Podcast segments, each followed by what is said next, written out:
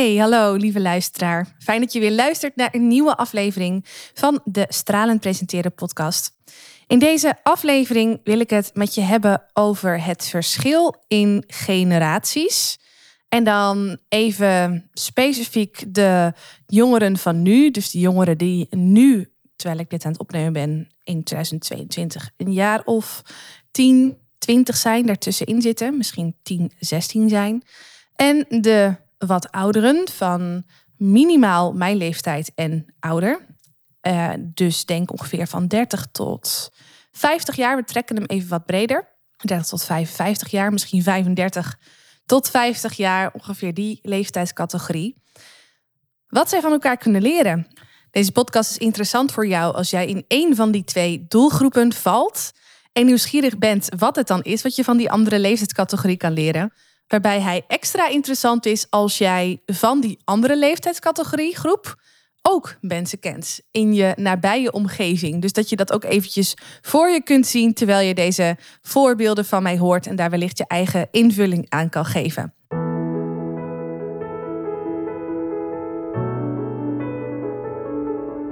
Mijn naam is Marije Wielenga.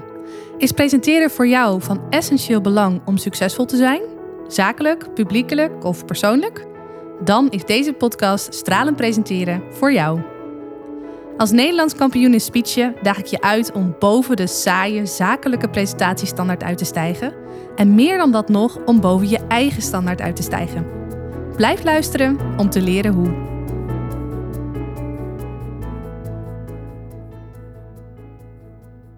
Gisteren had ik een uh, gesprek met een founder. En dat was voor mij de inspiratie, of dat gaf mij de inspiratie om deze aflevering op te nemen.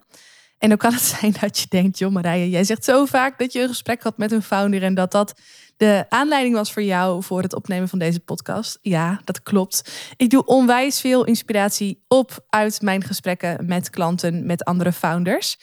En deze founder was daar geen uitzondering op. Het was een kennismakingsgesprek dat wij hadden. En even goed om voor jouw beeldvorming, wat voor founder is hij? Hij uh, is nu bezig met het ontwikkelen van een uh, fysiek product. Wat gaat dienen voor maatschappelijke doeleinden, maatschappelijk werk. En dan vooral richting jongeren. Ja, ik ben een beetje voorzichtig met het noemen van namen. Hoewel ik me ergens wel voor kan stellen dat hij het alleen maar leuk zou vinden als ik het zou noemen. Maar toch heb het niet gevraagd, dus ik blijf even in de vaagheid. Maar zijn product, waar dat nu staat in ontwikkeling, er is een heel ontwikkeld team geweest wat dit product heeft ontwikkeld. Op dit moment worden de eerste 50 uh, uh, ja, dingen uh, worden geproduceerd. En hij verwacht ze eh, volgende maand eh, vanuit China te ontvangen. Dan gaan ze uitgebreid naar een testfase. Als het product goed door die testfase heen komt, gaan ze later dit jaar een crowdfunding actie starten om daarna nog 250 tot 500 van deze producten te kunnen maken. En die uiteraard ook weer te kunnen verkopen. Dus dit bedrijf, dit product zit volop in de ontwikkelingsfase. En wij spraken met elkaar omdat het vertellen van zijn founding story als founder ontzettend waardevol is en kan zijn, nog meer waardevol kan zijn, om uh, ook in plaats van meer medewerkers en in plaats van meer per se meer klanten, ook vooral funding aan te trekken voor het bekostigen van het ontwikkelproces van, uh, van dit product. En uiteraard moet het product zich daarna gewoon zelf gaan verkopen. Maar ergens heeft hij, omdat hij een fysiek product heeft, gewoon te maken met ontwikkelkosten en opstartkosten, waar het uh, vertellen van zijn founding story uh, goed bij kan helpen om de juiste investeerders aan te trekken. Nou goed, dat gesprek was even een zijstapje. Want in het gesprek kwamen we op een gegeven moment op het feit dat het uh, ja, belangrijk is om als founder wat meer van jezelf te laten horen, meer van jezelf te laten zien, um, wat meer over jezelf te delen. Misschien wat kwetsbaardere dingen van jezelf te delen, die gelieerd zijn aan jouw ondernemerschap, aan de aanloop daar naartoe en natuurlijk ook de ontwikkeling van je product of dienst. Nou, hij gaf daarbij aan, en daarin voel ik hem wel, dat het voor hem, voor zijn generatie, ik weet heel eerlijk gezegd niet hoe oud hij precies is, maar ik gok ergens rond de 40. Dan doe ik het even voorzichtig. het is voor hem niet gebruikelijk om zomaar iets van zichzelf zo op het internet te gooien. En hij zei daarbij van ja, ik zie bij, ik weet niet of hij nou over zijn eigen kinderen had of dat hij het over kinderen uh, in de omgeving had. Dat die daar heel anders mee omgaan en dat hij daarvan kan leren. Maar tegelijkertijd uh, ja, voelt hij dus het ongemak, wetende dat het op zich goed is om ook meer van zichzelf te delen. Maar ook voelende dat dat zo ja, tegen zijn natuur indruist ergens in de basis.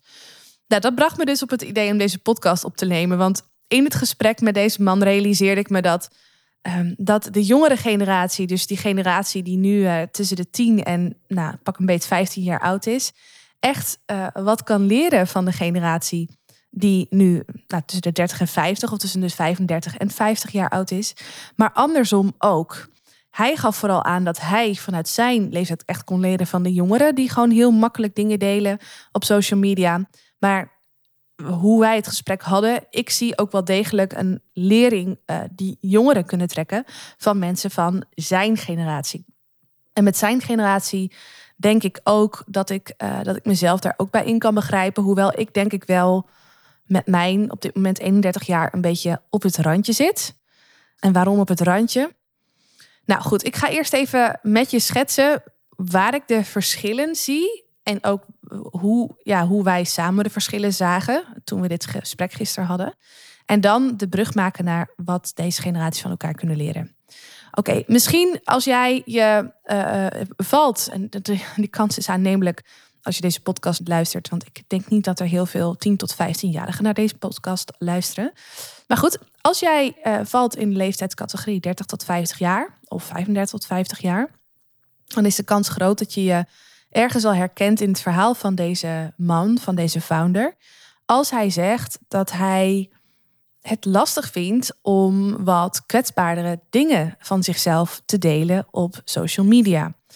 Ergens is de overtuiging bij het merendeel van deze leeftijdsgroep, en dat merk ik ook bij andere klanten, eh, de afgelopen jaren dat ik trainer ben, coach ben op het gebied van presenteren. De overtuiging is dat we toch, als het om zaken gaat, vooral over zaken moeten hebben. Om het product, om de dienst, om het proces, om eh, het bedrijf, het ontstaan van het bedrijf, maar dan echt de, platte informatie, om het zo maar te zeggen. En dat praten over jezelf vanuit die ik-vorm, not done is. Dat druist in tegen het gevoel van bescheidenheid. Laten we nou allemaal maar gewoon normaal doen. Dan doen we al gek genoeg. En je steekt je kop niet boven het maaiveld uit. Het gaat over zaken, dus praat over zaken. En praat niet over jezelf. Want dat kan de indruk wekken dat je uh, arrogant bent, egocentrisch bent. Nou, je bent er in ieder geval ook anders mee dan de rest. En natuurlijk kan ik, uh, scheer ik deze doelgroep nou echt over één kam, waar ik dus zelf ook min of meer bij behoor. Maar toch merk ik wel dat dit wel een soort overtuiging is die heel veel zakelijke professionals hebben binnen deze leeftijdscategorie.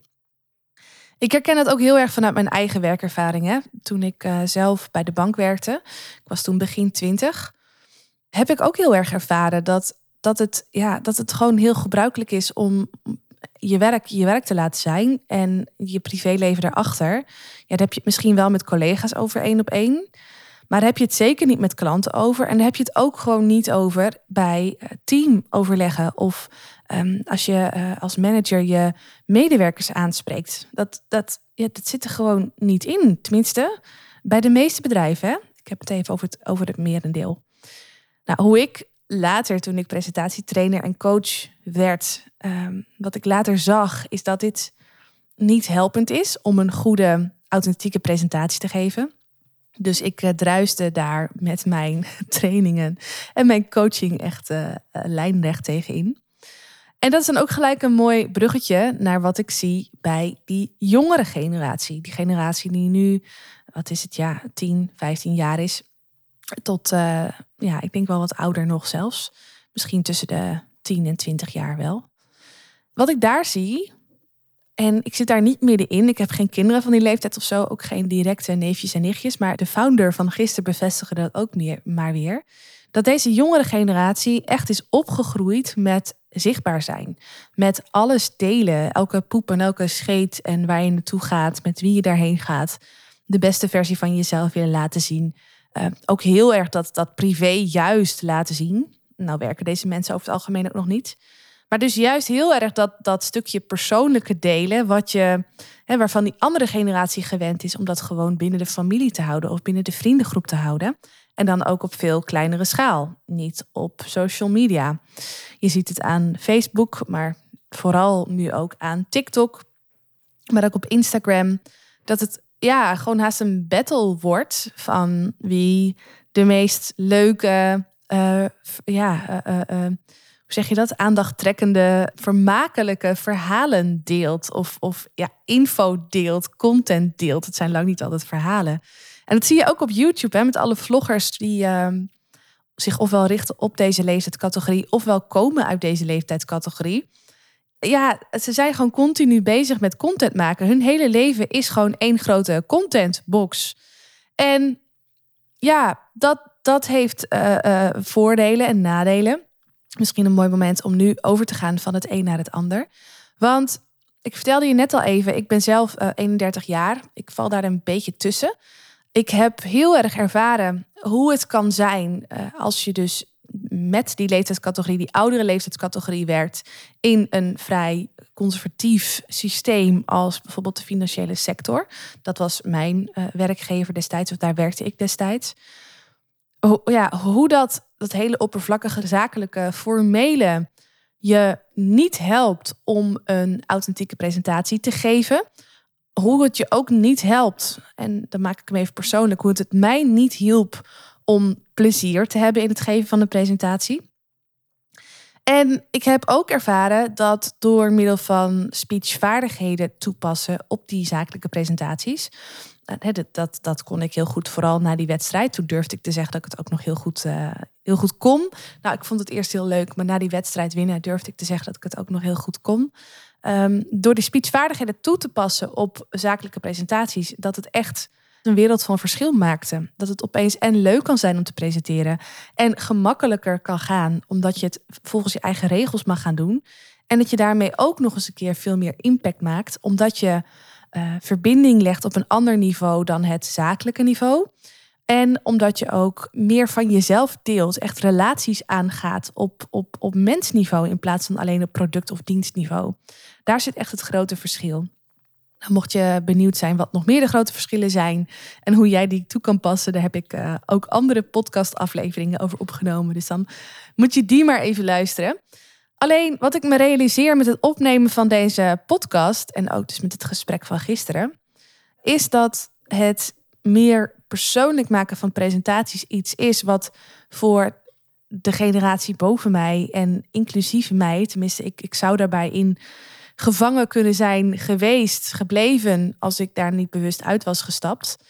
Is het gewoon niet vanzelfsprekend. Dat, dat, dat doe je niet. Dat hoort niet. Dat doet bijna niemand. En ondertussen kopieert iedereen elkaars presentatiegedrag. Dus houden we het ook met z'n allen in stand. Nou, wat deze generatie kan leren van de jongere generatie, is dat het oké is om persoonlijkheid te laten zien, om authenticiteit te laten zien, om ook privé dingen gewoon te delen. Ik bedoel, iedereen is een privé persoon. En hoe fijn is het als je ook op je werk gewoon die persoon mag zijn. Of in ieder geval dat niet hoeft te verstoppen. En je niet anders voor hoeft te doen. Dus wat die oudere generatie heel erg kan leren, is om speelser om te gaan met het delen van persoonlijke dingen. En ehm, dan heb ik het er niet over dat je per se moet vertellen uh, uh, bij iedere presentatie uh, over je hond, of over je kat, of over je kanarie, of over je ouders, of over je scheiding, of over je kinderen. Nee, dat bedoel ik niet per se. Um, waar de nuance voor mij zit, is dat je voorafgaand aan het geven van de presentatie goed nadenkt over onder andere uh, wat je doel is met de presentatie, welk zakelijke doel je wil bereiken. En dat je voor het bereiken van dat zakelijke doel heel goed persoonlijke uh, verhalen in kunt zetten om daar te komen. Dus je gaat leren van de jongeren door te leren dat je op een speelse wijze meer van jezelf kunt vertellen, maar dan wel met de nuance, met de voorwaarden eigenlijk, dat, zoals ik het zie, hè, dat het een zakelijk doel mag dienen. Anders dan loop je het grote risico dat je niet meer serieus wordt genomen. En dat is het laatste wat we willen. Dus wat de oudere generatie kan leren van de jongere generatie, is dat ehm, persoonlijkheid gewoon echt belangrijk is. En dat je meer van die persoonlijkheid mag laten zien. En dat ook met gemak mag doen. Daarin mag experimenteren, daarin, daarmee mag spelen. Ehm, weet je, ik, ik weet niet precies, ik kan niet nu in het brein van een twaalfjarige kruipen. Maar ik fiets hier wel eens door de stad uh, hier in Zwolle. Ik woon in Zwolle. En dan zie ik wel eens groepjes die dan vlogjes aan het opnemen zijn. Laatst bij een, um, een, een, een trapsfonteintje, wat zeg maar van boven naar beneden loopt, waar je ook, ja, het is niet de bedoeling, maar waar je gewoon doorheen kunt lopen met je blote voeten, wat dan naar beneden valt. En ik zag, terwijl het nog echt heel uh, vroeg in het jaar was en ook nog heel koud was, zag ik daar jochies die daar gewoon met hun blote voeten ingingen. En, en ze zagen dat ik keek, ze van, wat zijn jullie nu aan het doen? En zij gingen, zich, zij gingen doodleuk vertellen, ja, we zijn bezig met een nieuwe vlog, want... Uh, uh, wat was het ook weer? We hebben beloofd dat als we zoveel likes kregen op onze vorige, dat hij dan met, zijn, met zijn blote voeten in het ijskoude water ging of zo. Ik, ik weet het niet eens meer precies. En ik moest zo lachen, want het was voor mij zo'n typisch voorbeeld van hoe, ja, waar zij zich mee bezighouden. Jochies van 12, 13, misschien 14 jaar. Ik denk misschien wel jonger zelfs. Um, hoe zij gewoon op een spelende wijze bezig waren met ja, verhalen vertellen, maar ook gewoon dus dingen doen en hun menselijke kant laten zien. Want er hoeft niet altijd dik vette diepgang in te zitten voor hun om het toch te gaan delen. Nou, die speelsheid, daar kunnen wij volwassenen van die leeftijdscategorie echt wat van leren. Maar goed, zoals ik zei, is er ook iets wat de jongere generatie van de wat oudere generatie kan leren. En dat is eigenlijk het tegenovergestelde als uh, het, ja, hetgeen ik net zei. Daar waar jongeren vooral heel veel delen, delen, delen om het delen. En uh, om vooral ook, denk ik, likes te krijgen. Nou goed, dat willen wij volwassenen natuurlijk ook. Want we willen ook likes voor onze producten of diensten om dat gewoon goed in de wereld te zetten. Maar goed, zij willen vooral likes uh, uh, ja, voor eigenwaarde, om, want dat bevestigt hun beeld van eigenwaarde. Ik denk dat dat iets is wat ze van de oudere generatie kunnen leren. Dat je dus succesvol mag zijn met je video's. Dat dat heel fijn is, maar dat dat niets zegt over jouw persoonlijke waarde, wie jij bent als mens. Dus wat bedoel ik? Uh, ja, het is super tof als je heel veel likes krijgt en daarmee kunt uh, bereiken wat je wil bereiken. Alleen maak het dus niet persoonlijk. Laat het niet. Laat jouw gevoel van eigenwaarde niet afhangen van het aantal likes dat je krijgt. Ik denk dat dat iets is wat, uh, ja, wat de jongeren van ons kunnen leren. En misschien wij ook nog wel van elkaar kunnen leren. Uh, maak zo'n like niet persoonlijk. Zie het als een fantastisch middel om een bepaald doel te bereiken. Maar ook met nul likes of met nul comments ben je nog steeds fantastisch. Dus ja, daar kunnen de jongeren van leren van ons, omdat wij dat denk ik ook meer zien als iets wat van ons afstaat, omdat we er nou helemaal niet mee zijn opgegroeid. Tenminste, de generatie ouder dan ik is daar niet mee opgegroeid. Uh, tegelijkertijd denk ik dat heel veel oudere mensen daar ook nog van kunnen leren. Ik merk zelf bijvoorbeeld ook wel dat ik, het, dat ik er gevoelig voor ben hoeveel likes er zijn als ik daar niet voor waak en daar niet, uh, uh, dat niet relativeer voor mezelf. Dus de valkuil blijft ook als je ouder bent. Maar er is meer wat jongeren van ons kunnen leren. En dat is dat, ja, precies eigenlijk wat ik al eerder in deze aflevering zei. Dat als je een bepaalde boodschap te vertellen hebt, dan, dan is het wijs om persoonlijkheid eraan toe te voegen om dat doel te bereiken. Jongeren kunnen, denk ik, veel concreter bezig zijn met: hey, wat is nou de boodschap die ik wil vertellen? Dus in plaats van lukraak gewoon content maken waarin ze delen hoe hun dag was, wat ze doen en wat ze nog gaan doen, ook echt nadenken over: hey, wat is nou de les die ik mee wil geven aan anderen? Dus ook met deze podcastaflevering. Ik, ik zou mijn podcast kunnen gebruiken als een soort verbale manier van mezelf coachen of dingen verwerken. En deels doe ik dat ook wel. Maar ik denk bij iedere aflevering wel na over, hey, als het een wat meer persoonlijke aflevering is en ik wat meer vertel over wat me bezighoudt, dan denk ik wel altijd na van, oké, wat is dan de boodschap die een ander hieruit kan halen, die een ander hieruit kan pikken?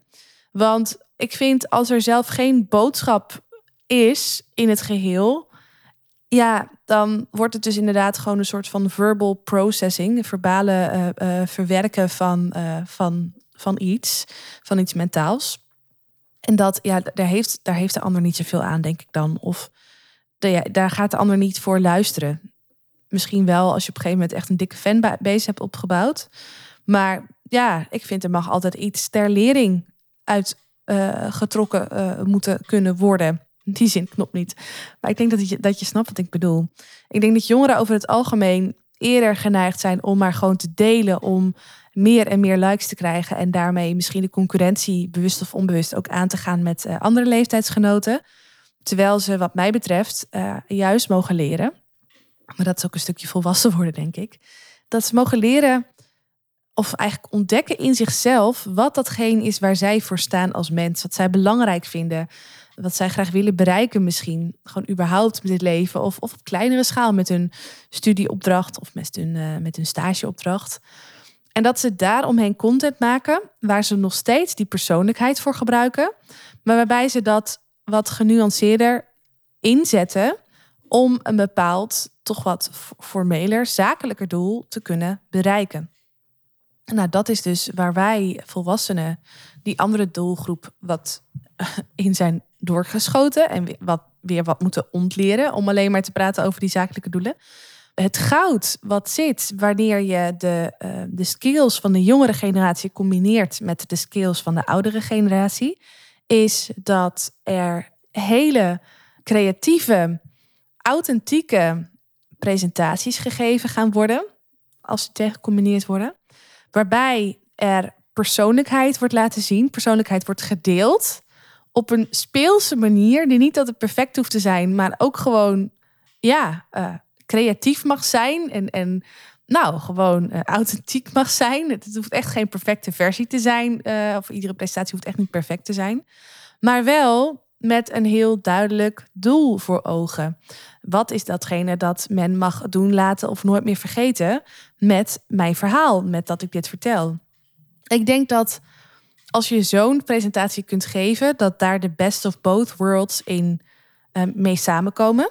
Maar ook dat dat voor de beide doelgroepen uh, qua mindset gewoon fantastisch zou zijn. dat de oudere generatie wat meer gaat leren of wat meer gaat de mindset eigen gaat maken van oh, mijn presentatie hoeft niet fantastisch perfect te zijn altijd. Ik mag als spelenderwijs delen met wat ik wel en niet van mezelf leer. En ik mag ook vooral plezier hebben in dat ontwikkelproces. Ik mag het zien als een, als een creatieve uh, uh, vorm van iets uiten. En het hoeft dus niet perfect te zijn. En andersom, de mindset van jongeren, dat, dat die wat mag worden aangepast op wat wij kennen als wat ouderen. Dan voel ik mezelf echt oud. Uh, met dat dat, dat, je, dat je er ook wat zakelijker tegenaan mag kijken. En jezelf ook niet al te serieus hoeft te nemen in uh, het aantal likes. Dat, het, hè, dat je ook vooral mag kijken naar het doel wat je wil bereiken. En vanuit dat doel mag kijken hoe je video's of hoe je content daarvoor kan worden ingezet. En dat of dat doel dan wel of niet behaald wordt, dat dat eigenlijk niet zozeer uitmaakt, tenminste, dat het niet uitmaakt voor jouw gevoel van eigenwaarde. Dat je je kunt omringen met mensen die, die ook gewoon goed zijn in wat ze doen, eh, waarbij je mag leren dat dat, dat, dat voldoende is, zeg maar. Dat je niet afhankelijk bent van die likes en van, uh, van hoe, in welke mate je video wel of niet viral gaat. Of je uh, succesvol bent als mens, of je zelf uh, waardig genoeg bent als mens. Nou, tot zover mijn uh, contemplatie over het verschil tussen de generaties en wat ze van elkaar kunnen leren als het gaat om presenteren. En uh, dus ook als het gaat om het vertellen van een founding story. Want dat is wat deze man daar ook heel erg het oppikte. Van goh, ik, uh, ja, ik, ik voel me super ongemakkelijk bij persoonlijke dingen delen. Maar ik zie en ik voel wel ook dat het nodig is om mensen op een ander uh, niveau te kunnen bereiken dan dat ik nu doe als ik alleen maar puur over het product vertel. Dus hij voelt het wel, maar hij zei: Ja, ik ben dat gewoon aan het leren voor mezelf. Dat was ook een van de redenen dat wij met elkaar in, uh, in gesprek zijn. Dus uh, wellicht dat ik hem daar ook bij mag helpen in het, in het vervolg. Dat, dat gaan we afwachten. Maar voor nu vond ik dit wel een heel mooi inzicht om met je te delen. Nou, en tot besluit. Iets wat me net nog te binnen schoot ik kom dus uit de jaren 90. Ik ben geboren uh, in het jaar 1990. En ik voelde me tot nog helemaal niet zo heel lang geleden ook gewoon uh, behoren tot de jongere generatie. Nou, ik denk dat, dat het niet gek is dat je dat gevoel vasthoudt totdat je op een gegeven moment de echte jongere generatie tegenkomt en denkt: holy fuck. Zij zijn toch echt anders dan ik. Ik, uh, ik. Nee, ik ga niet meer mee daarin, zeg maar, met TikTok en, en nou, gewoon de dingen waar zij nu mee bezig zijn. Dus uh, um, en dat realisatiemoment dat werd extra uh, versterkt toen ik onlangs, volgens mij was het op Facebook, iets voorbij zag komen. Dat was, zoals ze dat noemen, een, een mem. Een mem, meme, meme. Ik weet nooit hoe ik dat uitspreek. Maar in ieder geval zo'n plaatje of een cartoon was het misschien zelfs wel. Waarin, waarin je uh, een, een, een dame, ja, wat oudere dame dus schijnbaar, helemaal los zag gaan op een plaat. En dan zo'n jongere van een jaar of, uh, weet ik het, twaalf of zo, op de bank zag zitten. Echt super verveeld en super gefrust, nou, gefrustreerd, eh, super verveeld in ieder geval. En, en zo van, nou, wat doe jij nou? En er staat er zo'n, uh, stond er zo'n wolkje bij van mijn moeder als er weer een 90s hit opkomt. En toen moest ik zo lachen in mezelf en denk, oh nee, vroeger toen ik een jaar of 13, 14 was, werden er altijd grapjes gemaakt over onze ouders die een bepaald soort muziek luisterden, luisteren. Wat echt als de oude stempelmuziek werd, werd gezien. En nu, de generatie verder, is dit wat er wordt gemaakt en wordt geschreven over mensen van mijn generatie en ouder. Terwijl ik echt heel eerlijk moet bekennen, als er bij Q Music weer een, eh, een 90s top 2000 is of zo. Ja, ik ga helemaal uit mijn plaat. Ik vind dat fantastisch. En ik herken ze ook. Tenminste, de meeste herken ik ook als ze niet van al te vroeg in de jaren 90 uh, eh, eh, zijn, de platen die worden gespeeld. Dus dat vond ik nog even een leuk verhaal om tot besluit met je te delen. Hey, bedankt voor het luisteren.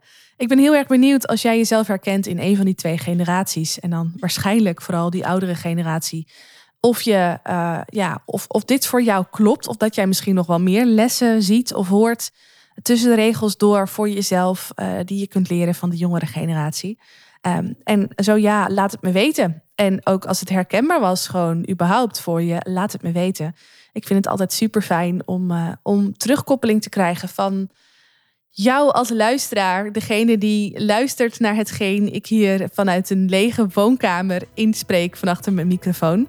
Dus uh, stuur me even een berichtje als je deze aflevering gehoord hebt. En uh, laat me weten wat je ervan vond. Wens ik je voor nu een hele fijne dag en tot de volgende aflevering. Doeg! Is deze podcast waardevol voor je? Abonneer je dan op mijn kanaal om geen aflevering te hoeven missen. En als je dan toch bezig bent, geef je hem ook even 5 sterren via Apple Podcasts. Zou ik echt enorm waarderen. Dankjewel. Onthoud, je drinkt niet door met woorden, maar wel met het gevoel dat je de ander geeft. Tot de volgende aflevering. Doeg!